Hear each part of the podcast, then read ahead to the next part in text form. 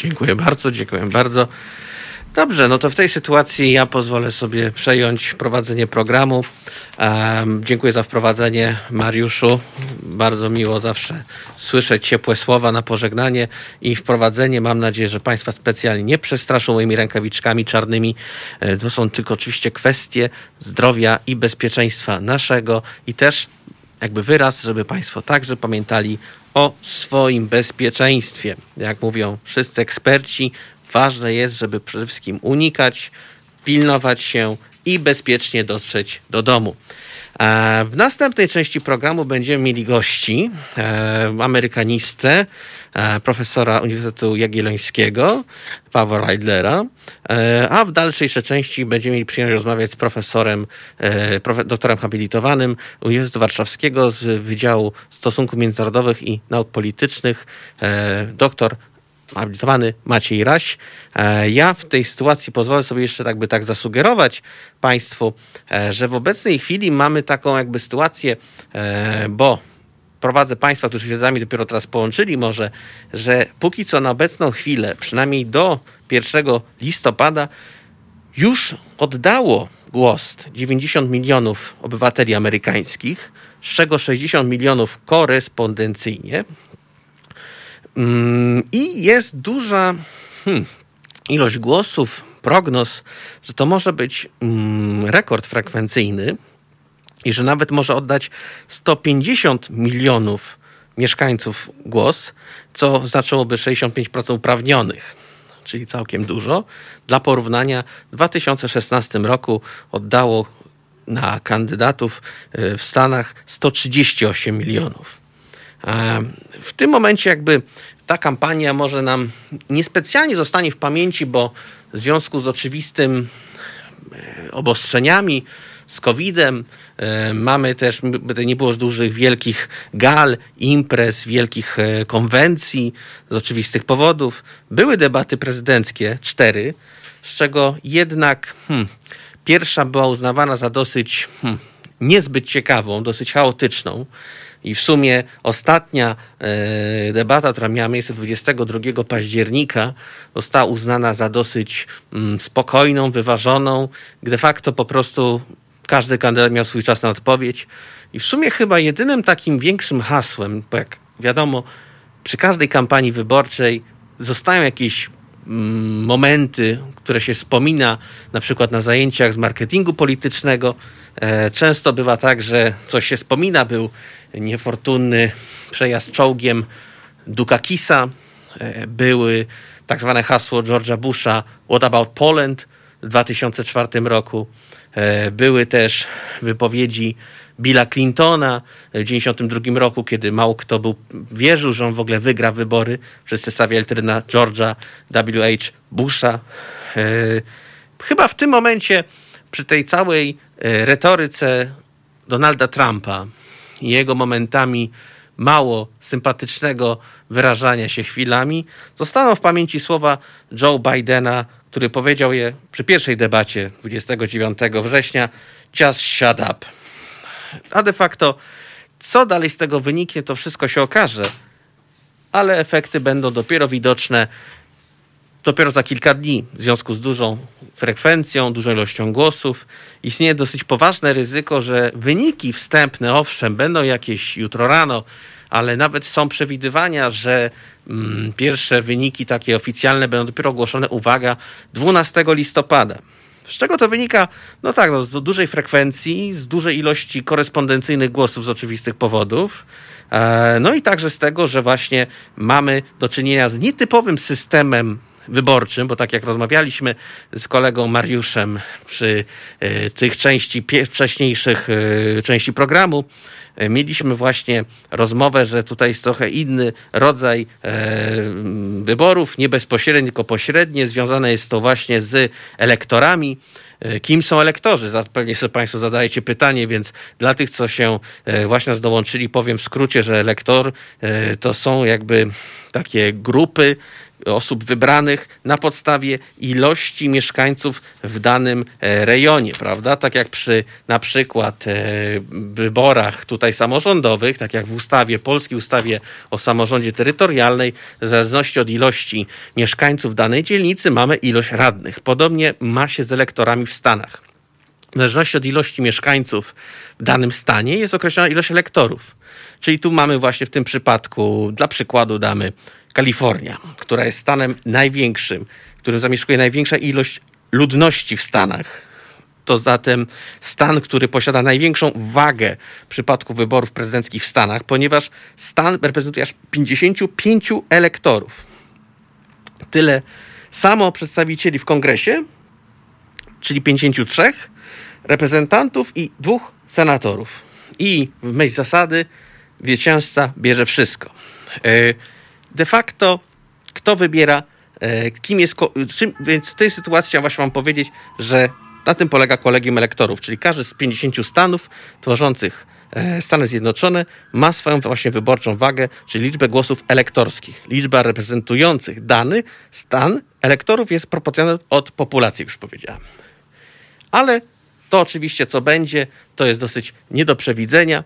E, zobaczymy jeszcze, jak nam się to poukłada dalszej części e, wieczoru, ponieważ jak widzimy, Los Angeles jest 10.22 rano, w Chicago jest godzina 12, w Nowym Jorku jest godzina 13, więc jeszcze to trwa.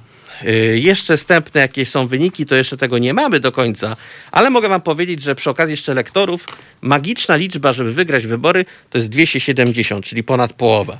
E, I wiadomo, że trzeba też wtedy mieć, e, czy właśnie, i tu się pojawia często właśnie jakiś paradoks absurdalny, który dla nas, może Europejczyków, jest nie do zrozumienia, bo w wyborach prezydenckich w 2016 roku była taka sytuacja, że Hillary Clinton zdobyła o wiele więcej głosów, ale niestety w tych, tych stanach, w których powinna, czyli nie zgarnęła takiej puli elektorów, jaka by pozwoliła na to. Na przykład przykładem są wybory też w 2000 roku, kiedy 20 lat temu Al Gore nieznacznie wygrał w głosowaniu wyborów, popular vote, ale przegrał w głosowaniu elektorskim. I to właśnie republikanin George W. Bush został prezydentem.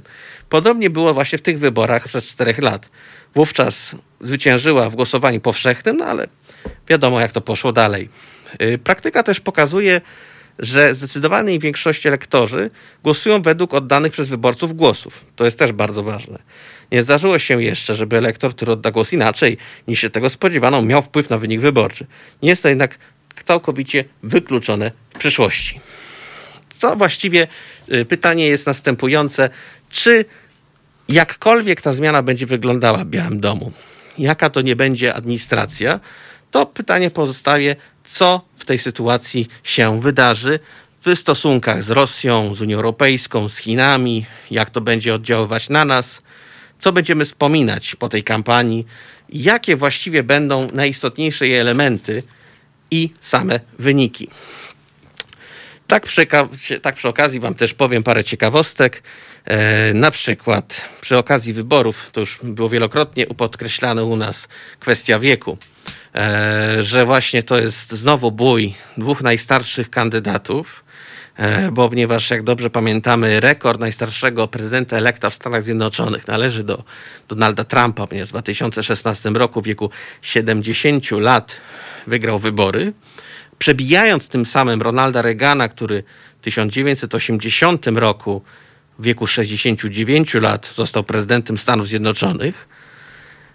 A tak z drugiej strony mogę wam też powiedzieć, kto był najmłodszym prezydentem Stanów Zjednoczonych. I tutaj dużo osób bardzo wiele razy mówiło, że to był Kennedy. Otóż niestety nie. Kennedy został wybrany jak miał 43 lata, a młodszy od niego był tylko Theodore Roosevelt, który wygrał w wyborach prezydenckich w wieku 42 lat. Cóż nam teraz pozostaje? No, w tej sytuacji też musimy się zastanowić poważnie, jak cała ta rzeczywistość będzie się zmieniała, w związku też z zmianami, które miały miejsce wcześniej. Na przykład, jak będzie wyglądała polityka dyplomacji Stanów Zjednoczonych, ponieważ, jak wiadomo, nie od dawna, e, na przykład gdy prezydent się zmienia, no to często to też miało związek z zmianami na stanowiskach e, pracowników, ambasadorów.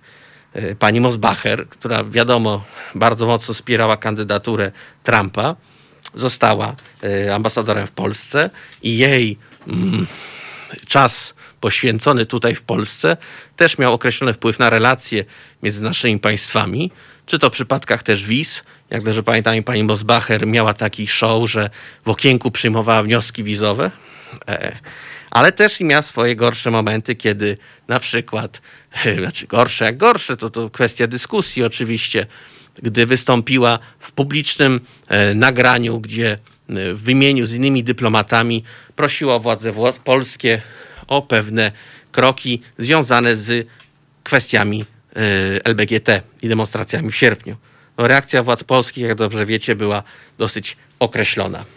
Pytanie też kolejne, jakie się, same pytania tutaj są, drodzy Państwo.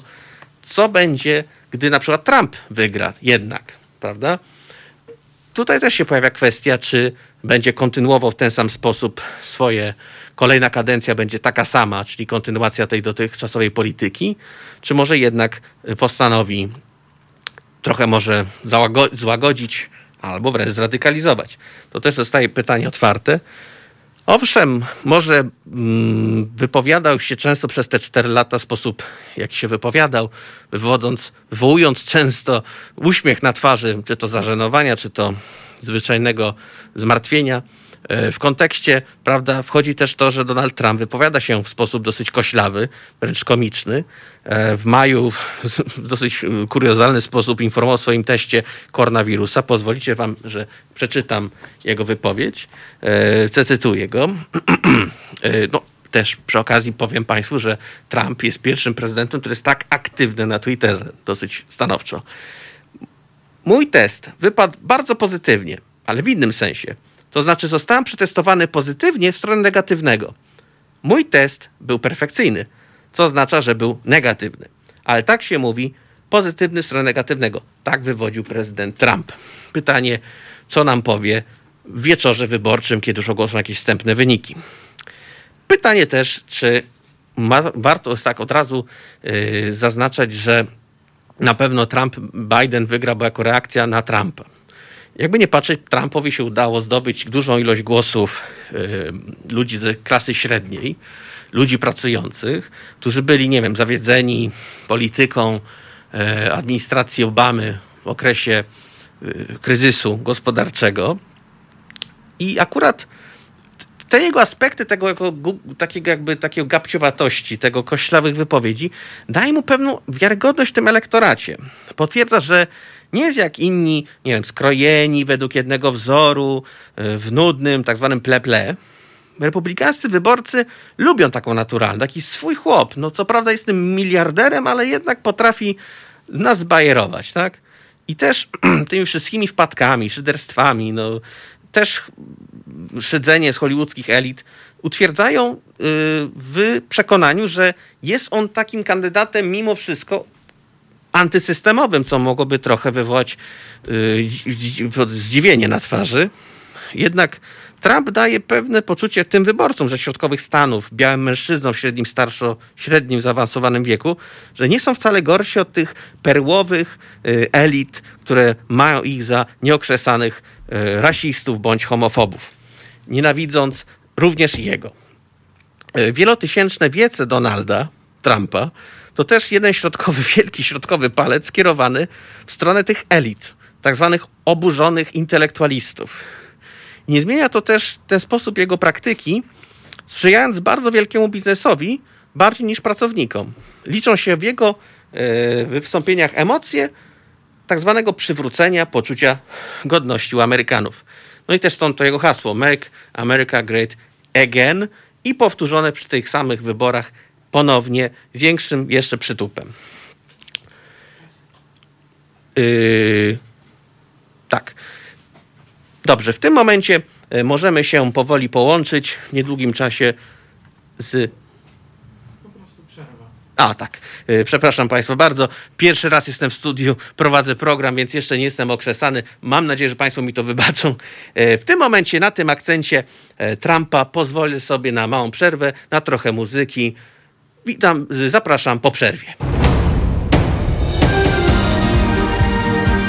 Halo Radio. Gadamy i trochę gramy.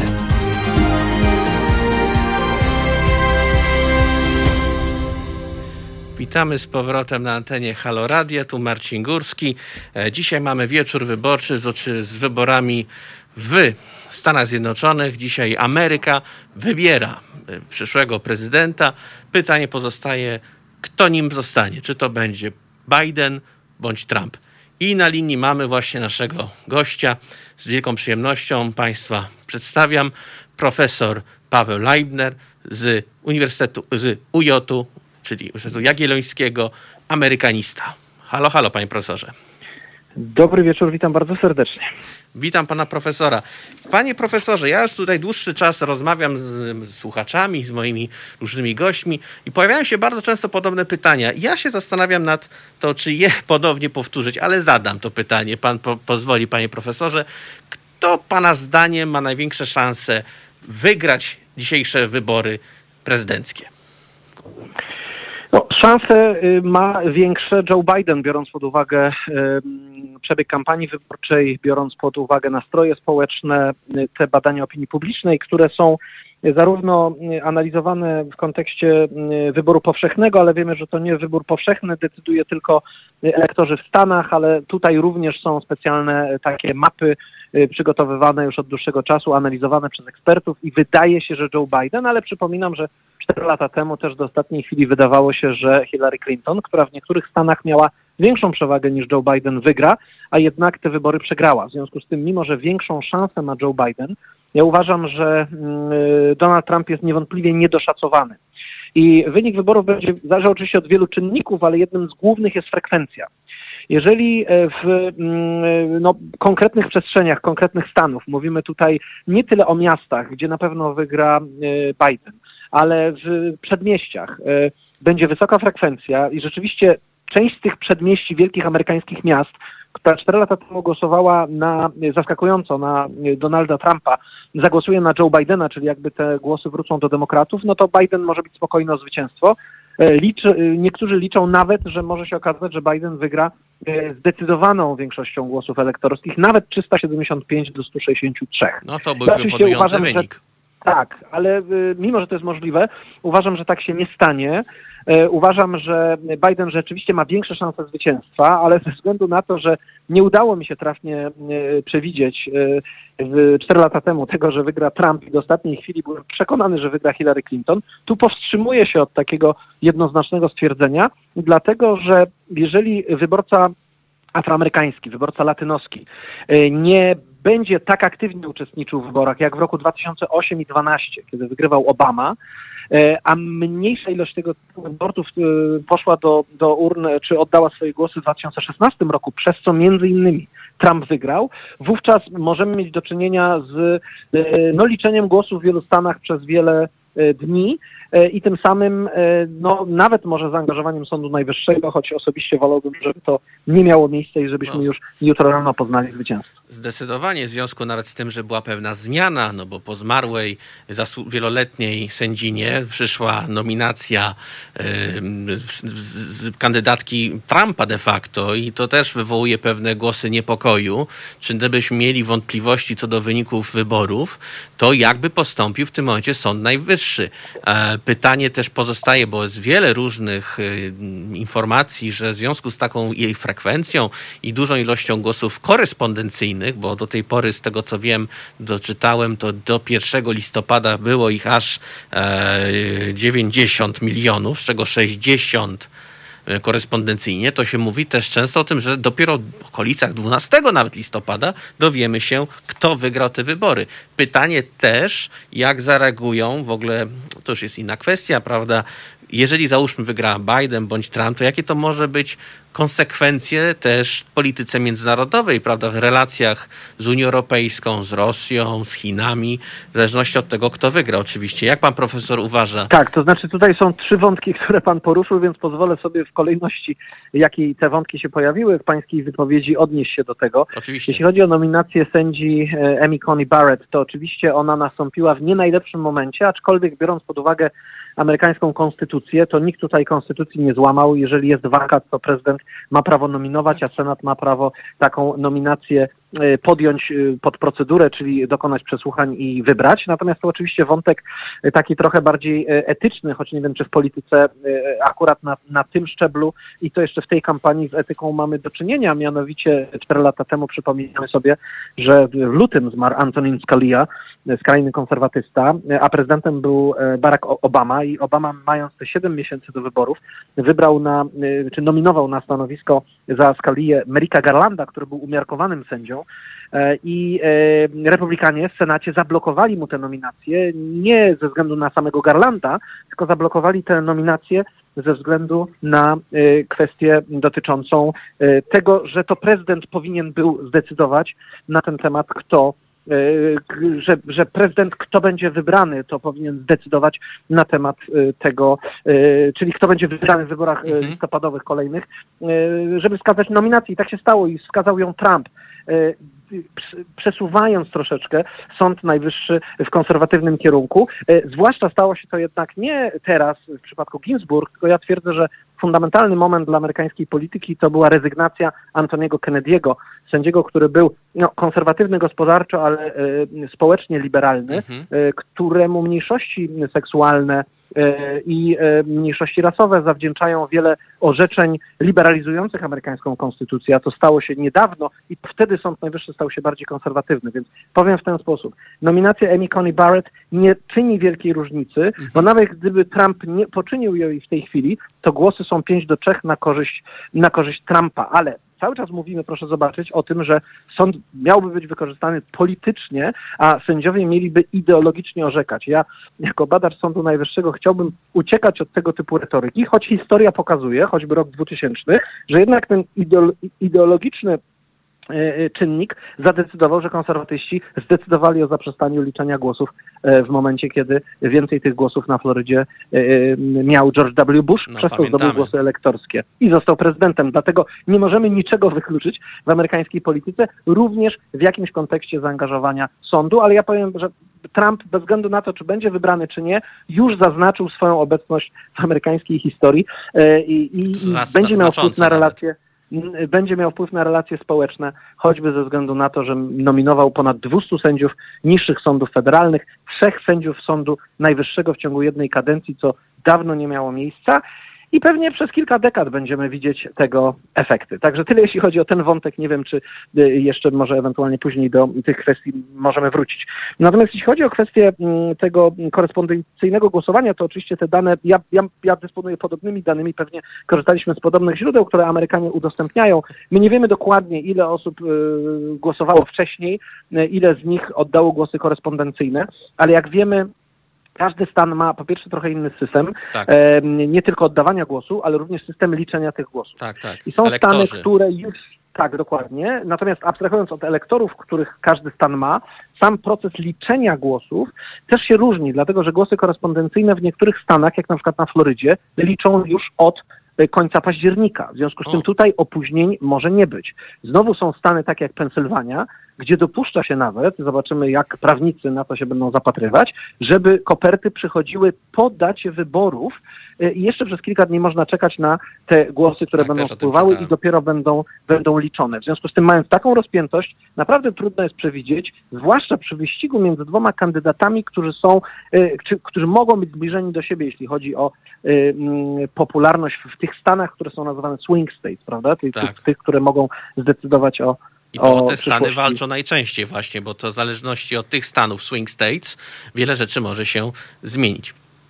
Y, dokładnie tak, zwłaszcza, że y, no, demografia amerykańska się zmienia. Ja pamiętam, że na początku XXI wieku była taka dyskusja w Stanach Zjednoczonych, że to jest właściwie schyłek partii republikańskiej, no bo pojawiające się y, coraz liczniej mniejszości, które zazwyczaj kierują swoje preferencje wyborcze w kierunku demokratów, to jest no koniec, czy, czy bez zmiany retoryki, czy, czy bez odniesienia się do tych mniejszości, republikanie nie mają szans. Natomiast no, pamiętajmy, że w tym XXI wieku w sumie sumie 12 lat e, z tych 20 e, e, rządzili, rządzili republikanie.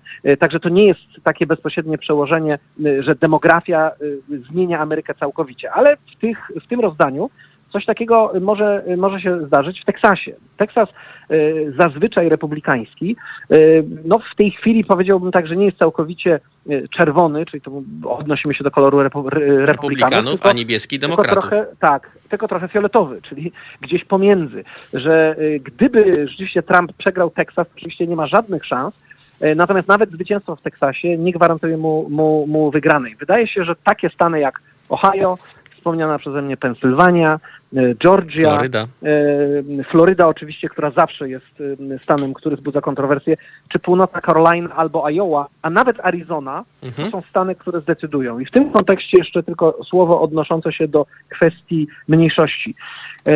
Od frekwencji latynosów w Arizonie, od mhm. frekwencji Afroamerykanów w północnej Karolinie, E, w Ohio e, będzie zależało, e, czy te stany wygra Joe Biden, czy nie. Znaczy większa frekwencja zagwarantuje zwycięstwo Bidenowi, mniejsza prawdopodobnie Trumpowi. Także na pewno na ten wątek również należy zwrócić uwagę.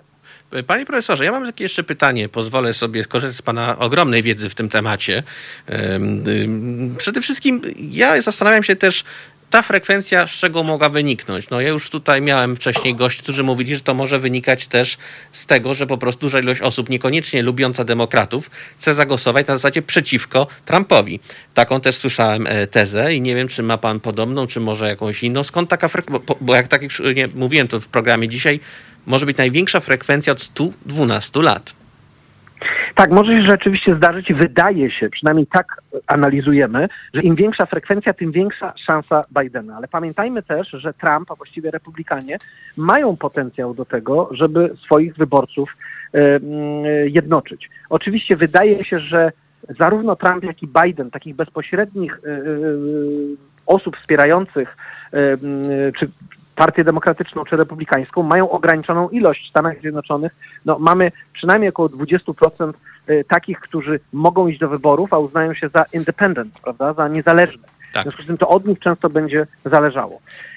I teraz oczywiście jest pytanie, jakie czynniki będą decydowały o tym, że, mm, że frekwencja jest większa. No, pandemia paradoksalnie, prawda? Z jednej strony może spowodować, że mniej osób dzisiaj zagłosuje, ale z drugiej strony, skoro 90 milionów miałoby zagłosować yy, jako early voting, czy 60 z tego milionów, czy 70 nawet słyszałem, korespondencyjnie, no to już daje potencjał, to jest dwa razy tyle, ile w 2016 roku, gdzie około 33 milionów zagłosowało korespondencyjnie. W związku z tym, yy, mając, mając taką wiedzę, wydaje się, że ta większa frekwencja będzie y, dlatego, że idzie jakaś zmiana, tak? Czyli że ci, którzy jednak jednoczą się y, przeciwko przeciwko Trumpowi będą, będą chcieli y, no, tego, żeby, żeby został Joe Biden, co nie znaczy, że uznają Joe Bidena za idealnego kandydata, bo prawda jest taka, że obydwaj kandydaci, mimo że są w tym momencie liderami swoich partii, w rzeczywistości e, prawdopodobnie nie są kandydatami idealnymi. Tu można by długo mówić,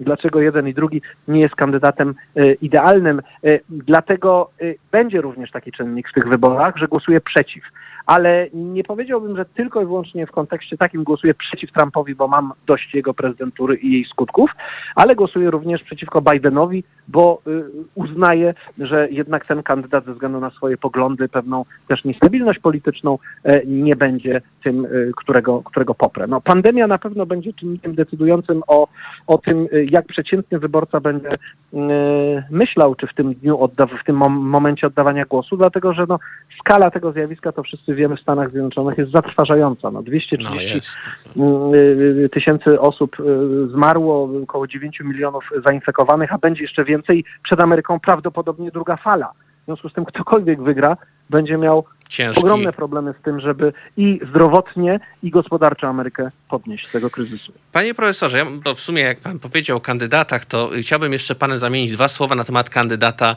e, demokratów, no bo o Trumpie to można by rozmawiać i rozmawiać, bo to jest e, egzotyczny raczej prezydent. Mm, nie, prezydent, którego wcześniej raczej Ameryka nie miała nigdy. Nie wiem, jak trzeba by głęboko szukać w hali e, byłych prezydentów, żeby znaleźć kogoś przynajmniej tak, nazwijmy go egzotycznego jak e, Trumpa. E, ja chciałem zapytać się o Bidena, przede wszystkim o to, jak pan ocenia na przykład pomysł? E, po pierwsze, no hasło, jakie było kampanii Bidena, czyli walka o duszę narodu, prawda? W odróżnieniu od e, hasła Make America Great Again, czyli tak zwany sequel z udanej produkcji z 2016 roku, jeżeli tak mhm. możemy taką filmową podać analogię. Jak pan ocenia propozycję Bidena jako kandydatkę na wiceprezydent pani Kamali Harris? Znaczy ja uważam, to jest, to jest bardzo dobre pytanie, dlatego że ono odnosi się do czynnika, o którym jeszcze nie wspominaliśmy, na który też może decydować. Y, myślę w ogóle, że moment, w którym Biden wskazał y, kandydatkę na wiceprezydenta za jeden z kluczowych momentów kampanii wyborczej, jeżeli Biden wygra. Na plus. Y, jeżeli Biden, tak, znaczy no mówię, jeżeli wygra, no to w tym kontekście oczywiście wydaje się, że, że między innymi dlatego, że wybrał e, no, w wielu wypadkach swoje przeciwieństwo. Ale to nie jest pierwszy raz. Zobaczmy, e, że para Obama-Biden też wzbudzała e, podobne poczucie, prawda? To nie tylko chodziło o czynniki rasowe, ale też kwestie wieku, wieku, doświadczenia w polityce, też poglądów na pewne sprawy, gdzie jeden był trochę bardziej na lewo w stosunku do drugiego. I tutaj też mamy tego typu sytuację, z tym, że Biden jest bardziej centrystą, a Kamala Harris wydaje się, no ona jest dosyć młoda w tej polityce federalnej. Tak, doświadczona już już jest doświadczona, bo to jest e, prawniczka, która przecież była prokuratorem generalnym Kalifornii e, i była senatorem od 2017 roku. E, natomiast, no, która na pewno wniesie więcej energii do tej, do tej prezydentury, która jest y, kobietą, co jest bardzo istotne, y, która jest córką hinduski i Jamajczyka. To też ma znaczenie, prawda, dla części y, wyborców. Zwłaszcza, że jeśli myślimy o Bidenie, on zresztą sam o sobie mówi, że jest, jest prezydentem przejściowym, czyli będzie chciał utorować drogę innym, co nie znaczy automatycznie, że Kamali Harris ale no nie możemy już w tym momencie, jeżeli on zostałby prezydentem na 4 lata, tylko na 4 lata, wykluczać jej spośród ścisłego grona faworytek, do uzyskania nominacji partyjnej za 4 lata. Tak, Także ona tym... ma tutaj też mhm. wiele do ugrania. To właśnie też słyszałem taką teorię wczoraj od innego amerykanisty, właśnie, że jest taka teoria, że no wiek Bidena, prawda, że no ma swoje lata, no umówmy się, i je, oby podsumować wiek obu kandydatów, no to mamy 152 lata. No to jest jakby nie patrzeć, to nic, to jednak mimo wszystko, który by nie wygrał, to i tak będzie rekordzistą pod względem wieku. No, jak wiadomo. E, jeżeli właśnie Biden wygra i będzie miał 78 lat, to też słyszałem właśnie, że za 4 lata tworząc przez 4 lata background dla pani Kamali Harris, jak wszystko pójdzie dobrze, ona byłaby dobrą kandydatką. Zależy oczywiście od wielu czynników. Może się oczywiście tak zdarzyć, natomiast co do tego wieku, to też uważam, że wiek tutaj e, no, jakby ma znaczenie. Na pewno średnia wieku kandydatów jest największa w historii, tak. ale przypomnę, że w 2000, e, w 1994 roku Ronald Reagan, e, mając no, prawie tyle lat co Trump, kandydował y, na reelekcję, na drugą kadencję i y, słynna debata z Walterem Mondale o 20 lat młodszym kontrkandydatem. Wielu uważało, że będzie dotyczyła wieku i że to właśnie przeciwnik Reagana będzie podnosił kwestię wieku. Reagan nie dał mu na to szans, dlatego tak, że pamiętam. jednym z pierwszych stwierdzeń powiedział, nie będziemy podnosić dzisiaj kwestii wieku, bo jeszcze by wyszło na to, że jest pan kandydatem niedoświadczonym. Tak, to... Prawda? Więc zawsze z wieku można zrobić siłę, że to jest doj, dojrzałość, doświadczenie. Stronę. Ale, ale powiem szczerze, Biden w tym kontekście nie jest typowym kandydatem Partii Demokratycznej roku 2020. Wydaje się, że to Kamala Harris bardziej wpisuje się w tę wizję. Czyli w tym kontekście możemy mówić, że możliwe, że to jest przygotowanie na to, co Amerykę czeka za jakiś czas, dlatego że Biden ze względu na swoje poglądy, ze względu y, na to, jak długo jest w tej polityce, y, ale także ze względu y, na to, że przecież jak popatrzymy na tych 28 kontrkandydatów, jakich miał na przestrzeni prawyborów, demokratycznych w tym e, roku, no to y, większość z nich i z racji wieku, i z racji pochodzenia, z racji płci, jednak y, no, trochę in, in, inaczej się prezentowało w stosunku do, do Joe Bidena. Dlatego wygrała tradycja w pewnym kontekście i, i tu można powiedzieć, że panowie pod wieloma względami są do siebie podobni, e, choćby dlatego, bo e, to też jakby często umyka, że zarówno Trump, jak i Biden zmieniali wielokrotnie zdanie na niektóre fundamentalne tematy, które dzisiaj będą kluczowe dla, dla funkcjonowania Stanów Zjednoczonych, choćby w wymiarze świat, światopoglądowym. Prawa mniejszości seksualnych czy aborcja, no to obydwaj mieli inne poglądy niż reprezentują teraz. E, przynajmniej e, prezentowane przez jakiś tam okres życia. Ja oczywiście tego w żadnym stopniu nie krytykuję, tylko pokazuję, że no, nikt tutaj nie jest jednoznacznie mm, stabilny, jeśli chodzi o swoje poglądy, bo nawet Kamala Harris, można przeanalizować jej krótką karierę, mhm. miała przecież taki okres, w, w, w, którym bardzo mocno wspierała program Sandersa Medicare for All, tak. E, który zakłada jeszcze większy wpływ władzy federalnej na system opieki zdrowotnej. Natomiast no, dzisiaj to oczywiście krytykuje, bo jest o, o, oczywistym, że, że Biden nie, nie, będzie wdrażał aż tak lewicowego programu e, z punktu widzenia e, opieki zdrowotnej. W obecnej sytuacji nie wiem, czy byłoby stać na to Stany Zjednoczone, biorąc pod uwagę też niełatwą sytuację gospodarczą. Na sam koniec pozwolę sobie jeszcze jedno pytanie, panie profesorze, już panu e, dodaję spokój na dzisiejszy wieczór. Bo Ale pewnie... absolutnie, jest mi bardzo miło, dziękuję. Mam nadzieję, że pana nie wymęczyłem specjalnie. Pierwszy raz y, mam okazję na antenie rozmawiać, więc wykorzystam do końca. Jeszcze jedno pytanie zadam, bo y, w tle całej kampanii wyborczej, jeszcze przed wyborami, kiedy się mówiło o tym, że Biden będzie kontrkandydatem e, Trumpa, mówiło się też o tej kwestii dosyć bardzo no, kontrowersyjnej w związku z synem Bidena na Ukrainie, który był w tej fundacji i podobno prezydent Zieleński, ukraiński amerykański prezydent miał jakieś telefony w tej sprawie, żeby interweniować, działać. Czy nie uważa pan, że ta cała afera troszeczkę podcięła skrzydła Trumpa? Y, ja powiem w ten sposób. Pamiętajmy, że ta afera y, po, pośrednio wpłynęła na mm, procedurę impeachment.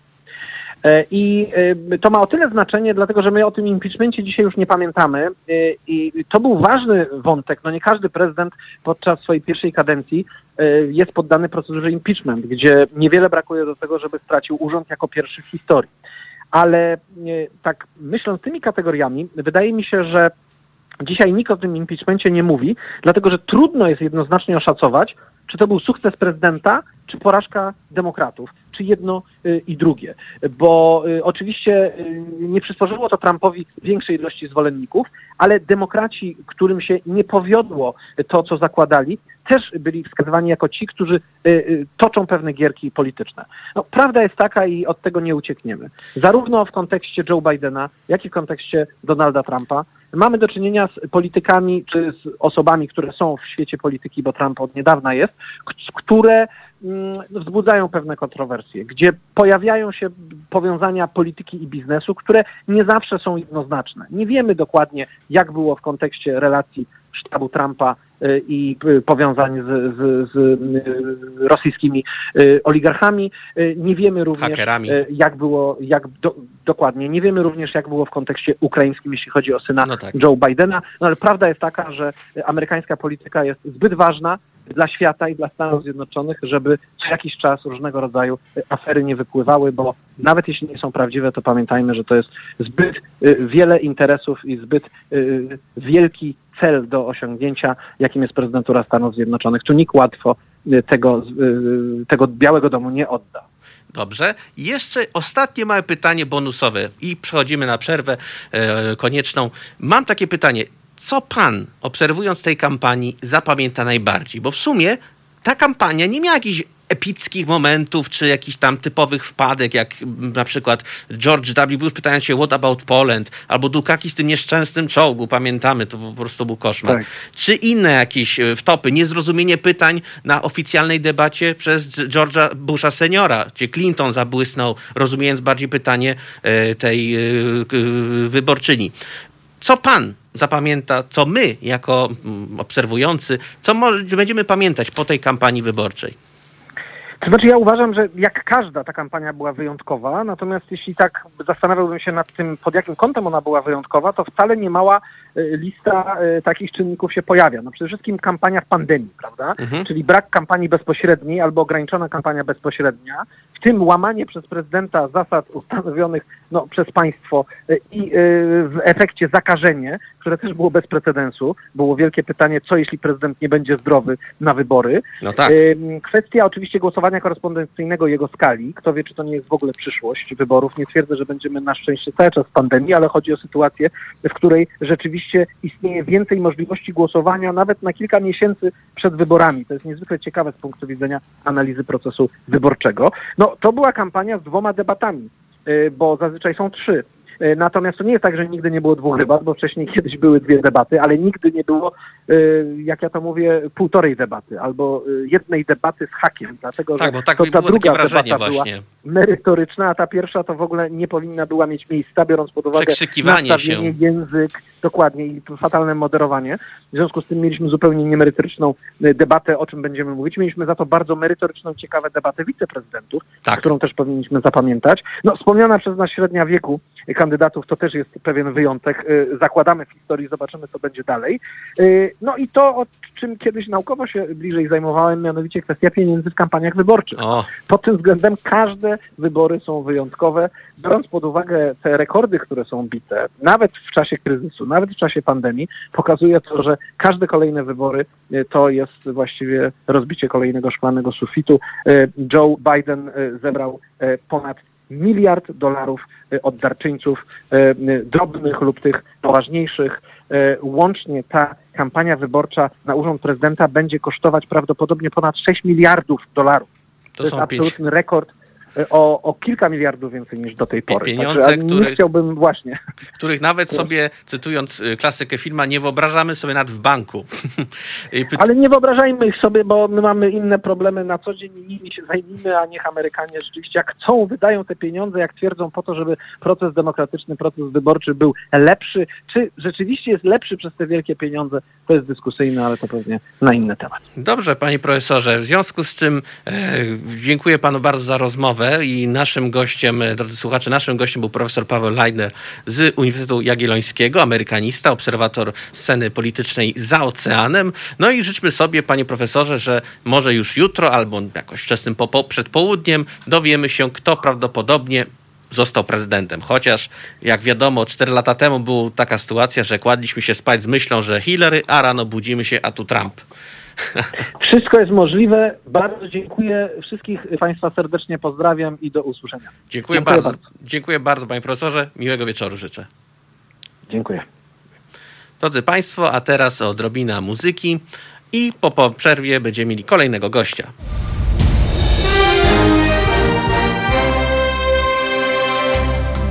Halo Radio. Pierwsze medium obywatelskie.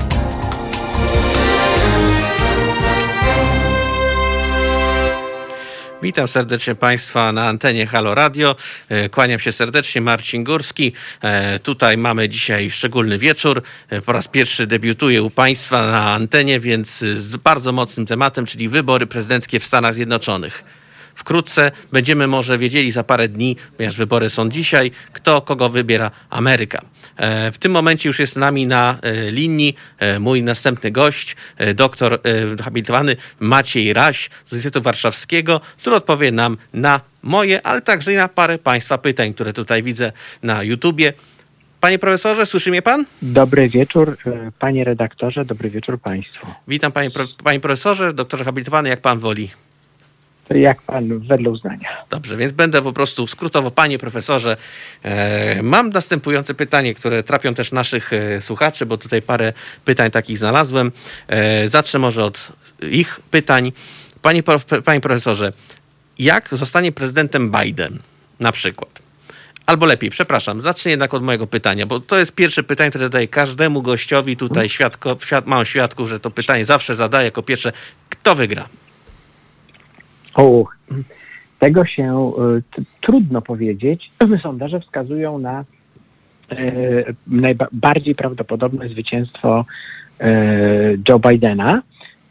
Nie chodzi tylko o sondaże w skali ogólnoamerykańskiej, ale również sondaże w tak zwanych stanach swingujących, czyli stanach, które, które zadecydują o, o zwycięstwie, w których elektorat waha się pomiędzy Trumpem a Bidenem.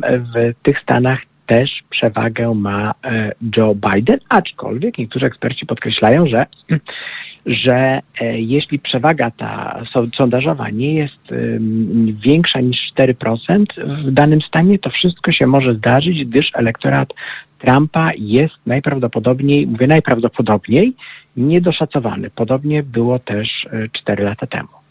No tak, bo mieliśmy taką sytuację, że się kładliśmy spać z myślą, że Hillary, a rano był Trump. Yy, teraz tak, pytanie. Z tym, że, z tym, tak? że sądzę, że Hillary Clinton była no, na pewno była innym kandydatem, tak? I nie chodzi tylko o to, że była kobietą.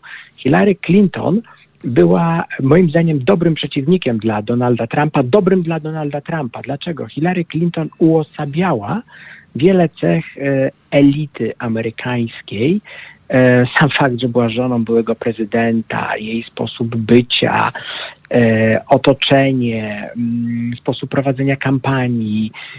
Trump, Worek taki trochę. Dokładnie tak. Trump świetnie wykorzystał, świetnie wykorzystał ustawiając się, pozycjonując się jako kandydat antyestablishmentowy, tak, zagrał swoim populizmem i wygrał.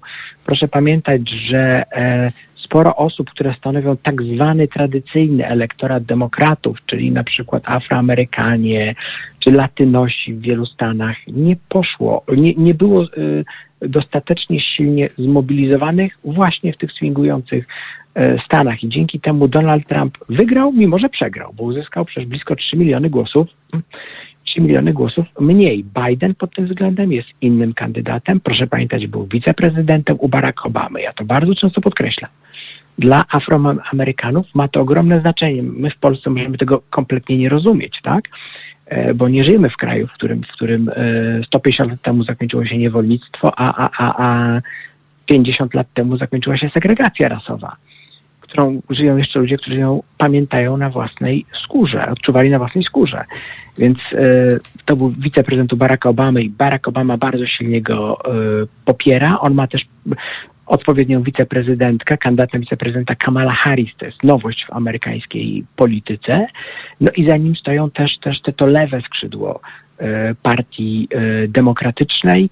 No a przypomnijmy, że w, czyli na przykład Bernie Sanders, Ocasio-Cortez, senatorka, kongresmenka, dość radykalna jak na Stany Zjednoczone, a w przypadku Hillary Clinton, Hillary Clinton no, była raczej skłócona z y, lewym skrótem Partii Demokratycznej. Dość wspomnieć, że wypływały materiały, jak to sztab Partii Demokratycznej faworyzował w przedbiegach e, w tej prekampanii w, w, w przypadku wyborów E, wewnętrznych w Partii Demokratycznej faworyzował Hillary Clinton i jej nieczyste zagrania choćby wobec Berniego Sandersa.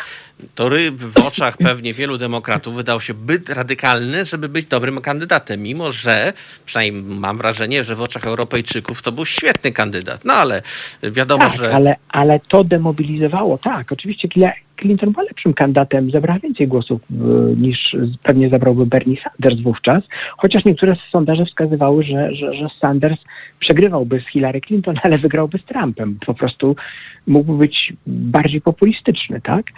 E, natomiast no, na pewno demobilizowało to pewne wizerunek e, Hillary Clinton, co wykorzystał Trump. Te konflikty w łonie demokratów faworyzowały, sprzyjały, wyraźnie sprzyjały Donaldowi Trumpowi. W tej chwili, w tej chwili tego nie ma. No poza tym jest, jesteśmy po czterech latach e, rządów Trumpa i Trump oprócz tego, że jest dalej populistą, no to jeszcze jest showmanem, tak, ale y, dla wielu, jak się chyba większości Amerykanów, showmanem w bardzo negatywnym stylu, tak, zakochanym w sobie bufonem, no bo wydaje mi się, że tak ocenia go większość Amerykanów i w skali całych Stanów Zjednoczonych y, nie wątpię, że Trump te wybory przegra. Pytanie tylko, to znaczy zyska mniej głosów niż Joe Biden, to moim zdaniem z pewnością. Pytanie tylko, czy kto zyska większość głosów e, elektorskich. No tak, nie, te, i też tak, tak niezdecydowanych, bo to też jest pewnie duża ilość. Panie profesorze, mam jeszcze takie pytanie, właśnie mam ich kilka, ale to jest pytanie od naszego słuchacza. Co się stanie, jeżeli na przykład wygra Biden, tak? To czy jaka będzie sytuacja związana z, z żołnierzami amerykańskimi na terenie Polski? Czy to dojdzie do przesunięcia, czy może jednak jeszcze zwiększenia? Znaczy, moim zdaniem, Stany Zjednoczone, proszę pamiętać, pod tym względem prowadzą dość stabilną politykę. Pod, w ogóle, jeśli chodzi o politykę zagraniczną Stanów Zjednoczonych, to jest ona dość stabilna i w miarę przewidywalna. To nie jest tak, że zwycięstwo y, Joe Bidena y, radykalnie przeformatuje politykę zagraniczną y, Stanów Zjednoczonych. Mm, raczej ją ustabilizuje, albo jeszcze inaczej, przywróci na dawne tory, tak? Czyli na te tory, które znamy z y, czasów y, Billa Clintona, George'a W. Busha czy Baracka, czy Baracka Obamy. Y, w przypadku Trumpa, Trump, Trump nie tyle zmienił politykę zagraniczną Stanów Zjednoczonych, co przede wszystkim zmienił retorykę w polityce zagranicznej Stanów Zjednoczonych. Jeśli porównamy E, i własną, no, bardzo grał własną osobowością, tak?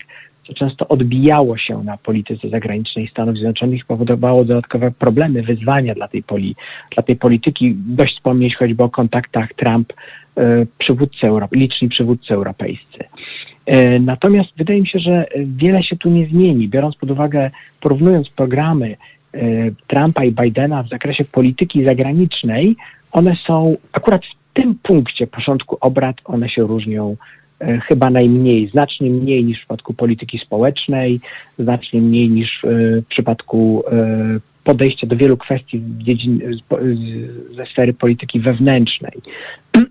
Natomiast nie sądzę, żeby tu się wiele, żeby pod tym względem wiele się zmieniło. Ta obecność wojskowa będzie utrzymana. W przypadku Polski nieco inne rzeczy mogą dojść do, do, do głosu, jeżeli wygra, wygra Biden.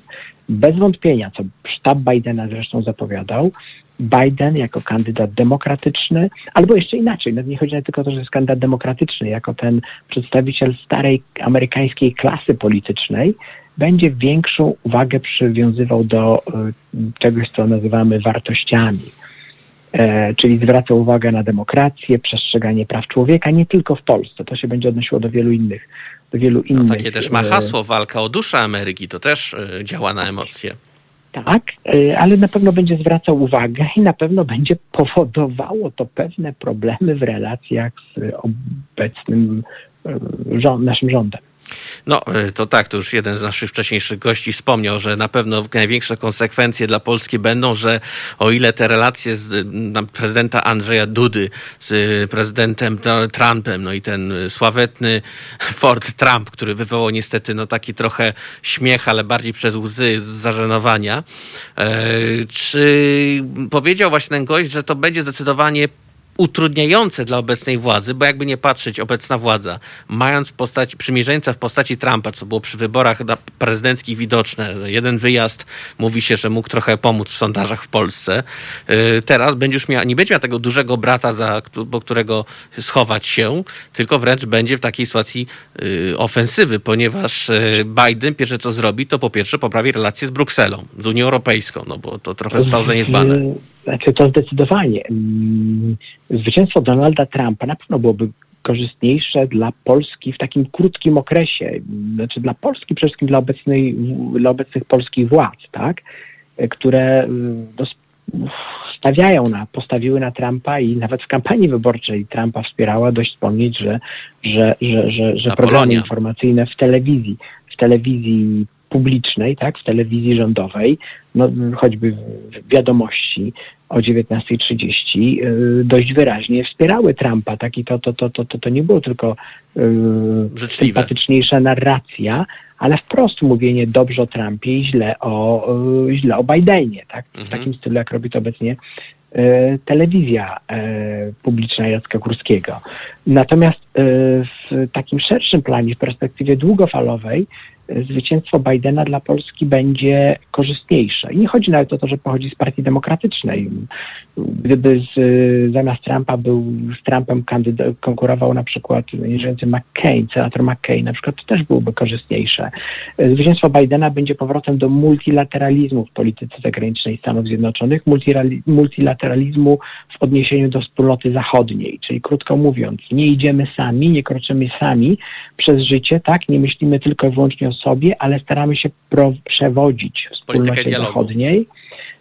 W ramach wspólnoty zachodniej, tak, transatlantyckiej, ale nie tylko, bo to jeszcze przecież Japonia, Australia, Nowa Zelandia, Korea Południowa, paru innych partnerów, ale skupmy się na tej naszej części świata społeczności transatlantyckiej, bezustanny dialog z partnerami, a w Europie na pewno tym partnerem, takim, takimi najważniejszymi partnerami są Niemcy, bez wątpienia najważniejszy partner gospodarczy, tak w ramach Unii Europejskiej, także Francja, Francuzi, inne państwa. No w momencie, kiedy Donald Trump zaczął realizować swoją politykę, rola Polski nieco wzrosła. Dlaczego? No, jego relacje, jego osobiste relacje, on ma problem z Angelą Merkel, to wielu e, ekspertów, tak? Bez wątpienia nie jest to polityk w jego typie, mówię Angeli, Angeli Merkel. Mm. Mm. On ma problem, polityka amerykańska ma w tej chwili problem w relacjach z Niemcami, z Francją, z Unią Europejską, w ramach NATO. Zamknięcie fabryki BMW nie pomogło. Tak. Tak, natomiast, natomiast y, z tego powodu rola Polski, Polska staje się bardziej potrzebna, Polska i państwa wschodniej flanki NATO, tak, Trumpowi. Bez wątpienia w przypadku Bidena ta rola Polski będzie mniejsza, no ale w dłuższej perspektywie, w żywotnym interesie Polski, to podkreślmy, y, na nie tylko 100%, ale 1000% leży budowanie swoistości wspólnoty zachodniej. To, co robi Trump, tej swoistości nie sprzyja E, miejmy nadzieję, że jeśli wygra Biden, ta spoistość zostanie wzmocniona. E, I Stany dalej będą liderem, będą prowadziły taką politykę, by być liderem wspólnoty transatlantyckiej, a to z kolei będzie, będzie sprzyjało bezpieczeństwu Polski, interesom Polski, także interesom Unii Europejskiej, której częścią jesteśmy. No właśnie chciałem też o to zapytać się, o tą kwestię polityki handlowej USA, ale już pan profesor trochę napomnął.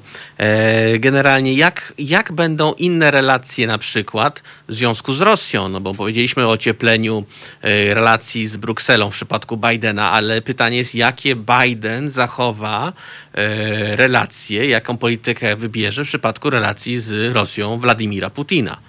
Bo Władimir Putin mhm. czeka na ten wynik. Z, na pewno jest cieka bardzo ciekaw, jaki będzie wynik, chociaż kto go wie.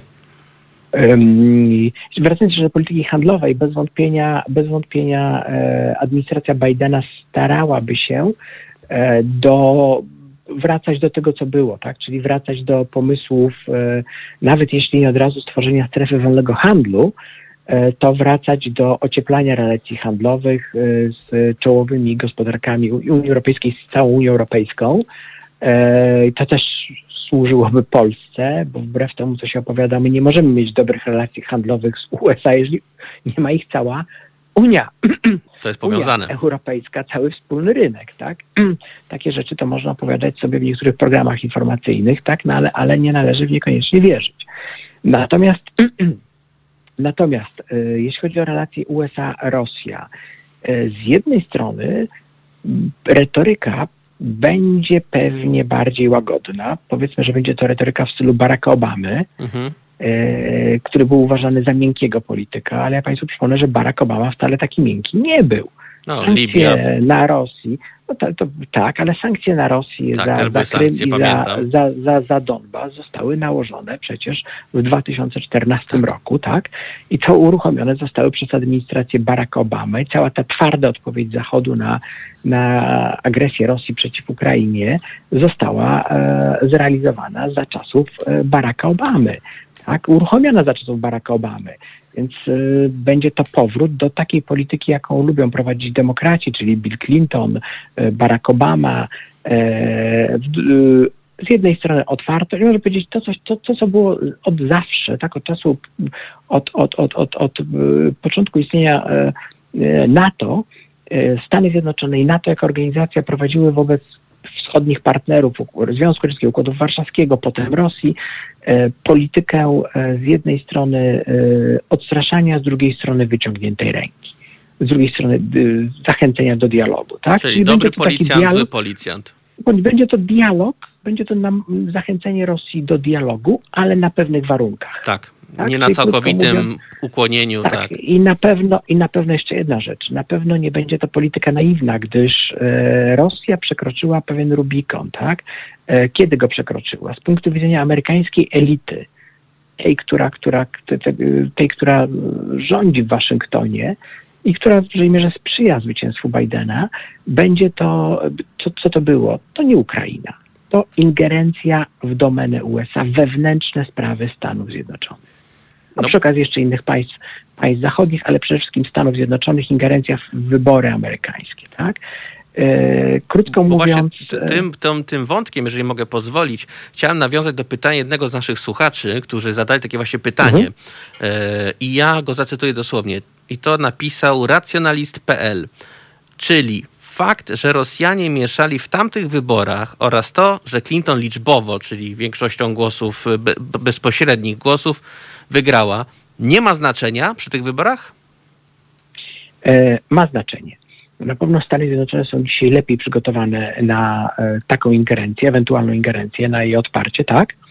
E, wydaje mi się też, że w dzisiejszych czasach e, Rosja nie jest już tak chętna, bo kryzys gospodarczy, kryzys pandemiczny są powiązane, nie sprzyja. Rosja chciałaby wrócić do stołu, do rozmów, no tylko ze względu na jej relatywną słabość, jej pozycja przetargowa jest dzisiaj E, dużo, dużo, dużo słabsza. Wcześniej, w 2016 roku, Putin grał nieco wabank. E, wydawało mu się, że e, pokazanie swojej siły będzie skłaniało tak, Zachód do, do, do, do dialogu. Może to był taki Wyszło... trochę odwet za 2014 też. Y, raczej próba e, pokazania, że coś się może, że może się działać także na terytorium przeciwnika, że mhm. nie jest się bezradnym, że można odpowiedzieć Zachodowi i że to skłoni e, Zachód do dialogu. E, tak jak Zachód był zaskoczony twardą polityką Rosji wobec Ukrainy, wobec Zachodu, tak samo Rosja została zaskoczona twardą odpowiedzią, twardą odpowiedzią Zachodu. No tylko, proszę Państwa, pamiętajmy, że produkt krajowy brutto Rosji jest nieco y, mniejszy niż włoski, nieco tylko większy niż hiszpański. Tak? Hmm. A mówimy tylko o, o, o, o, o mówimy tylko, że, że, że, produkt krajowy brutto byłby powiedzmy czwartym, piątym Rosji, czwartym, piątym w Unii Europejskiej. Mhm. W porównaniu do produktu krajowego całej Unii Europejskiej, czy choćby tylko Niemiec, nie wiem, czy w Stanach Zjednoczonych, no jest to naprawdę niedużo, tak? E, Rosja nie ma tej pozycji przetargowej, którą miała w lat, czasach Związku Radzieckiego, czy nawet w latach 90. W miarę upływu czasu ta pozycja maleje. Bez wątpienia, moim zdaniem, administracja mm, demokratyczna byłaby bardziej skłonna do rozważania e, dialogów z Rosją na temat choćby zbrojeń strategicznych, czyli przedłużenia układu e, START e, o, o strategicznej, o, o ograniczeniu e, strategicznej, kontroli strategicznych broni nuklearnych, czy dajmy na to przedłużeniu, czy, czy, czy, czy podpisaniu nowego. E, no, zrobił to Barack Obama choćby 10 lat temu, natomiast e, w ramach tak zwanego resetu z, z, Rosją, natomiast e, na pewno nie uczyni tego bezwarunkowo, na pewno nie za wszelką cenę. To, to, to nie jest tak, że administracja Bidena będzie łykała wszystko, co powie Putin, uwierzy we wszystko, co powie Putin, kupi to i, i, i tylko dla samego faktu podpisania jakiegoś dokumentu wyrazi na to wyrazi na to y, zgodę.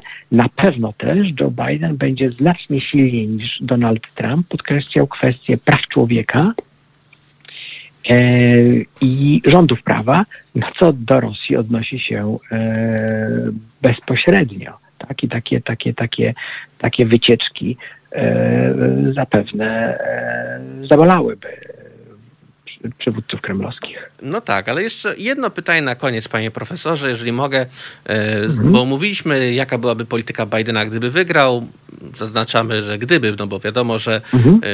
E, różne są scenariusze, ponieważ pamiętamy, jak cztery lata temu Hillary Clinton miało ten e, końcówkę kampanii, że ten szklany sufit był, że pierwsza mhm. kobieta prezydentem, to było prawie, że pewne a dzień później niestety była no, sroga porażka.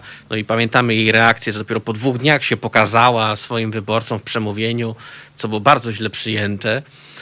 A pytanie byłoby moje jest takie, co by było, gdybyśmy mieli taki scenariusz jak 4 lata temu, że sondaże wskazują na Bidena, że pierwsze wyniki wskazują na Bidena, a nagle się okazuje, no bo na przykład te stany y, właśnie swingowe jednak przekazują władzę kontynuację i mamy drugą kadencję Donalda Trumpa z tym samym hasłem Make America Great Again. I pytanie teraz mhm. do pana profesora, jaka byłaby ta kolejna kadencja Trumpa, gdyby dalej mógł prowadzić, być w owalnym biurze owalnym, in the Oval Office? Jaka byłaby ta druga kadencja Aha. w jego wykonaniu? I wydaje mi się, że trudniej mi przewidzieć drugą kadencję paradoksalnie Donalda Trumpa niż pierwszą kadencję Joe Bidena. E, to w ogóle wynikało z tego, że trudno było przewidzieć pierwszą kadencję Donalda Trumpa. No było pełno Proszę zwrócić uwagę, jak, jak zmieniał swoją administrację, tak? jak, jak, jak rotował e, ludzi na czołowych stanowiskach, na przykład związanych z polityką zagraniczną czy polityką, czy polityką bezpieczeństwa. Wydaje mi się, że mm, proszę też pamiętać, że w początkowej początkach pierwszej kadencji Donalda Trumpa, powiedzmy przez pół kadencji, on był bardzo ograniczony establishmentem waszyngtońskim, tak? który, który, który, który, czy osobami, które nawet on sam mianował na najwyższe stanowiska, które jednak ograniczały jego no, taki wolontaryzm, tak? czy pewną dezynwolturę nawet w, w, w polityce. E, natomiast no, on będzie starał się kontynuować, e, kontynuować to, Ale co, bardziej to, radykalizować, to, czy może jednak... Politykę, to zależy. To zależy od, od wielu czynników. Sytuacja w Stanach Zjednoczonych pandemiczna, tak, wymaga, a i związana z tym sytuacja gospodarcza będzie, będzie wymagała podejmowania krok, kroków na rzecz odbudowania podniesienia e, gospodarki amerykańskiej, odnawiania miejsc pracy, odtwarzania miejsc pracy, choćby, tak? E, I tutaj zapewne Donald Trump, nie bez racji zresztą, będzie wskazywał, że w poprzednich, e, poprzedni prezydenci, zarówno demokraci, jak i republikanie, bo dotyczy tak demokratów, jak i choćby George W. Busha, w ramach swojej neoliberalnej polityki no, tak naprawdę oddawali miejsca pracy amerykańskie, czy w ogóle na całym zachodzie, wschodzącym rynkom. On mówi przede wszystkim o Chinach, ale to nie chodzi tylko o Chiny, chociaż Chiny pod tym względem są największym wyzwaniem. E, Donald Trump będzie chciał, by, by, by, by miejsca pracy wracały z Chin do Stanów, do Stanów Zjednoczonych. Na pewno też będzie wspierał te tradycyjne e, przemysły, tradycyjne branże gospodarki, choćby sektor wydobywczy, tak? Co niekoniecznie może podobać się zwolennikom walki z, ze zmianami klimatu. Y, czyli tym, czy tym ze wschodniego, i z, y, czy, czy wyborcom ze wschodniego i zachodniego wybrzeża, tak, z Nowego Jorku czy z Kalifornii. Y, wydaje się, że będzie starał się też w pewnym stopniu wycofywać zaangażowanie międzynarodowe, dalszym stopniu, dalej wycofywać się z zaangażowania międzynarodowego USA w wielu regionach świata, tak aktywnego, jak, jakim były ono za czasów czy to George'a W. Busha, czy, czy, czy, czy Obamy, czy, czy, czy Clintona, no, choćby, Afganistan, choćby Afganistan jest tego, jest tego dobrym, jest tego dobrym przykładem i to akurat tego wcale nie, nie, nie, nie krytykuje. Natomiast proszę też pamiętać, w Stanach Zjednoczonych y, instytucje państwa są bardzo silne. To nie jest tak, że prezydent jest, y, jest y, carem, jakimś imperatorem wszechwładnym, który te decyzje podejmuje, podejmuje samodzielnie. W ramach zasady checks and balances on jest bardzo ograniczony przez kongres tak? E, on jest też ograniczony przez e, swoje otoczenie z partii republikańskiej. Już nie mówiąc o, o, o, o, o, o opozycji z partii demokratycznej, która bardzo możliwe, że e, odbije Senat, mając i będzie miała większość nie tylko w Izbie Reprezentantów, ale także tak, w Senacie. dokładnie. W Senacie Stanów Zjednoczonych, który decyduje na przykład o polityce zagranicznej i bezpieczeństwa, przede wszystkim uchwala budżet, tak? Kongres uchwala budżet prezydentowi USA. To byłoby pewnie wówczas Donald Trump będzie zachował się populistycznie, przepraszam, w swojej polityce wewnętrznej, pokazywał Amerykanom, ja bym chciał, tak jak demokraci w kongresie mnie, mnie e, ograniczają. Pod tak? Kłody pod nogi, dokładnie. E, natomiast to, to, to, tak zwane amerykańskie deep state, ono nie pozwoli za bardzo, tak jak nie pozwalało do tej pory Donaldowi Trumpowi na, na, na wiele. No, raczej można się spodziewać tego, że, że, że, że, że, że, że znaczy na pewno można się spodziewać pewnych zaskoczeń, tak? Takim jak zaskoczeniem było w, polity, w polityce zagranicznej spotkanie z Kimem, z liderem e, Korei Północnej, no Joe Biden, czy Barack Obama, czy George W. Bush, bez względu na, na, na, na, na sympatie partyjne, czy na, na afiliacje partyjne, by na pewno z tym człowiekiem się nie spotkali, tak? No tak. E, on się spotka, on się spotkał, nazywając go, najpierw nazywając go tak, jak go nazywał, tak? Charyzmatycznym liderem też. No, znaczy najpierw nazyw, odsądzał go czci i wiary, tak? Mhm. Następnie był Rocketmanem, a za chwilę był jego wręcz przyjacielem, takim dobrym przywódcą, tak? Charyzmatycznym liderem. E, no więc można się tego po Trumpie spodziewać, ale to jest retoryka. To jest retoryka. Natomiast e, jeśli chodzi o, o, o, o politykę, za wiele się tutaj za wiele się tutaj e, nie zmieni. Natomiast można się też spodziewać, że będzie miał coraz więcej wyzwań. Bo jeżeli on przegra te wybory y, pod względem liczby uzyskanych głosów, ale wygra, bo na przykład wygra na Florydzie i w Pensylwanii uzyska większość głosów elektorskich, w paru jeszcze takich stanach jak Texas, Arizona, tak? tak. No to, to, to, to, w tym momencie, to w tym momencie będzie rosła opozycja wobec niego. To opozycja wśród elit, ta opozycja intelektualna, opozycja medialna, e, opozycja także na ulicach. Można się spodziewać, że, że, że, że konflikty społeczne w Stanach Zjednoczonych niestety mogą narastać. Inaczej... Mówię o konfliktach takich jak związanych w tej chwili z choćby z protestem przeciwko znoszeniem e, pamięci o białych supremacjonistach, jak, tak, czy, czy, czy, czy konfliktach rasowych, tak. E, społecznych. No przypomnijmy, on zlikwidował Obamacare, tak. co też nie przysporzyło mu przecież, przecież popularności. I ten podział Ameryki, który jest widoczny. Coraz większy był, tak? i coraz bardziej znaczy, widoczny. Coraz większy. On zawsze był, on zawsze był. Ale teraz jest on bardziej widoczny niż zwykle bardziej widoczny po w ostatnich kilkudziesięciu latach, tak? Bardziej w, po, po, po, od lat 90. powiedzmy, jeżeli tak możemy mierzyć, to rzeczywiście on, on się, on, się, on się zaostrza, mhm. tak? On się zaostrza, co jest wynikiem także podziałów ekonomicznych, tak? Y, czyli grupa ludzi, która się bogaci, duża grupa ludzi, która biednieje, ta biedniejąca klasa średnia amerykańska, która była stabilizatorem systemu, no i przede wszystkim także konflikty o charakterze kulturowo-cywilizacyjnym, czyli, czyli Nowy Jork, San Francisco, Los Angeles, y, to społeczeństwo otwarte, liberalne, i to społeczeństwo y, z amerykańskiej prowincji, tak, z południa tradycyjnego, środkowego zachodu, które wzajemnie odsądzają się często czci wiary werbalnie, ale co najgorsze, one się przestają rozumieć. I tym bardziej właśnie mamy takie wrażenie przed y, tą nocą, która zaraz na, już jest, nadejdzie lada. Od razu chciałbym dodać, panie redaktorze i drodzy słuchacze, że ja nie mam pojęcia i nie zaryzykowałbym stwierdzenia, że jeżeli wygra Joe Biden, to Joe Bidenowi uda się skutecznie te podziały zasypać. No tym bardziej właśnie chciałem powiedzieć, Obama że... tak? wcale nie zasypał podziałów rasowych. Tak? No nie, no to tak. jest wynikiem nie tylko polityki prezydenta, on może je w pewien stopniu łagodził, ale ale to jest wynikiem innych procesów, y, wynikiem procesów społeczno-ekonomicznych, tak? To, to, to, to, to, musi być, to musi być dialog prowadzony w ramach społeczeństwa amerykańskiego. Jeżeli będzie postępowało rozwarstwienie społeczne w Stanach Zjednoczonych, no to trudno, żeby zasypywanie tych podziałów się udało.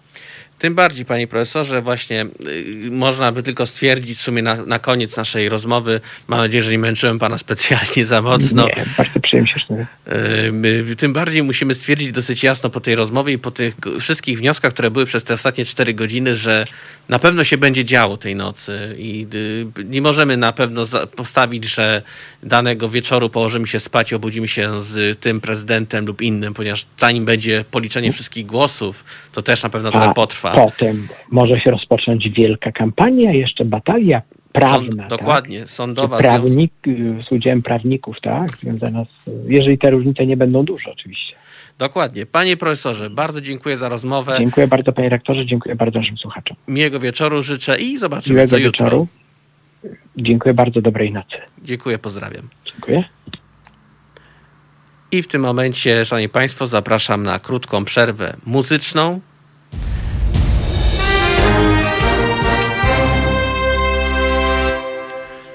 Witam Państwa po krótkiej przerwie. E, jednocześnie pragnę się też z Państwem już pożegnać i zostawiam Państwa w rękach sprawdzonych redaktora Romana Mańka. Temat ten sam jak i wcześniej. Wybory w Stanach Zjednoczonych. Ja ze swojej strony tylko mogę dodać, że po tych czterech godzinach e, rozmów z e, różnymi gośćmi i także z panem redaktorem Gzylem nie jest tylko, można tylko podsumować w ten sposób, że jak to mówił pewien dziennikarz w Stanach, Ameryko, good night and good luck. A Państwem się żegnam i do najbliższego zobaczenia. A jutro, kto go wie, rano może coś będziemy wiedzieć, co się dzieje za oceanem. Dziękuję i pozdrawiam. Życzę miłej nocy.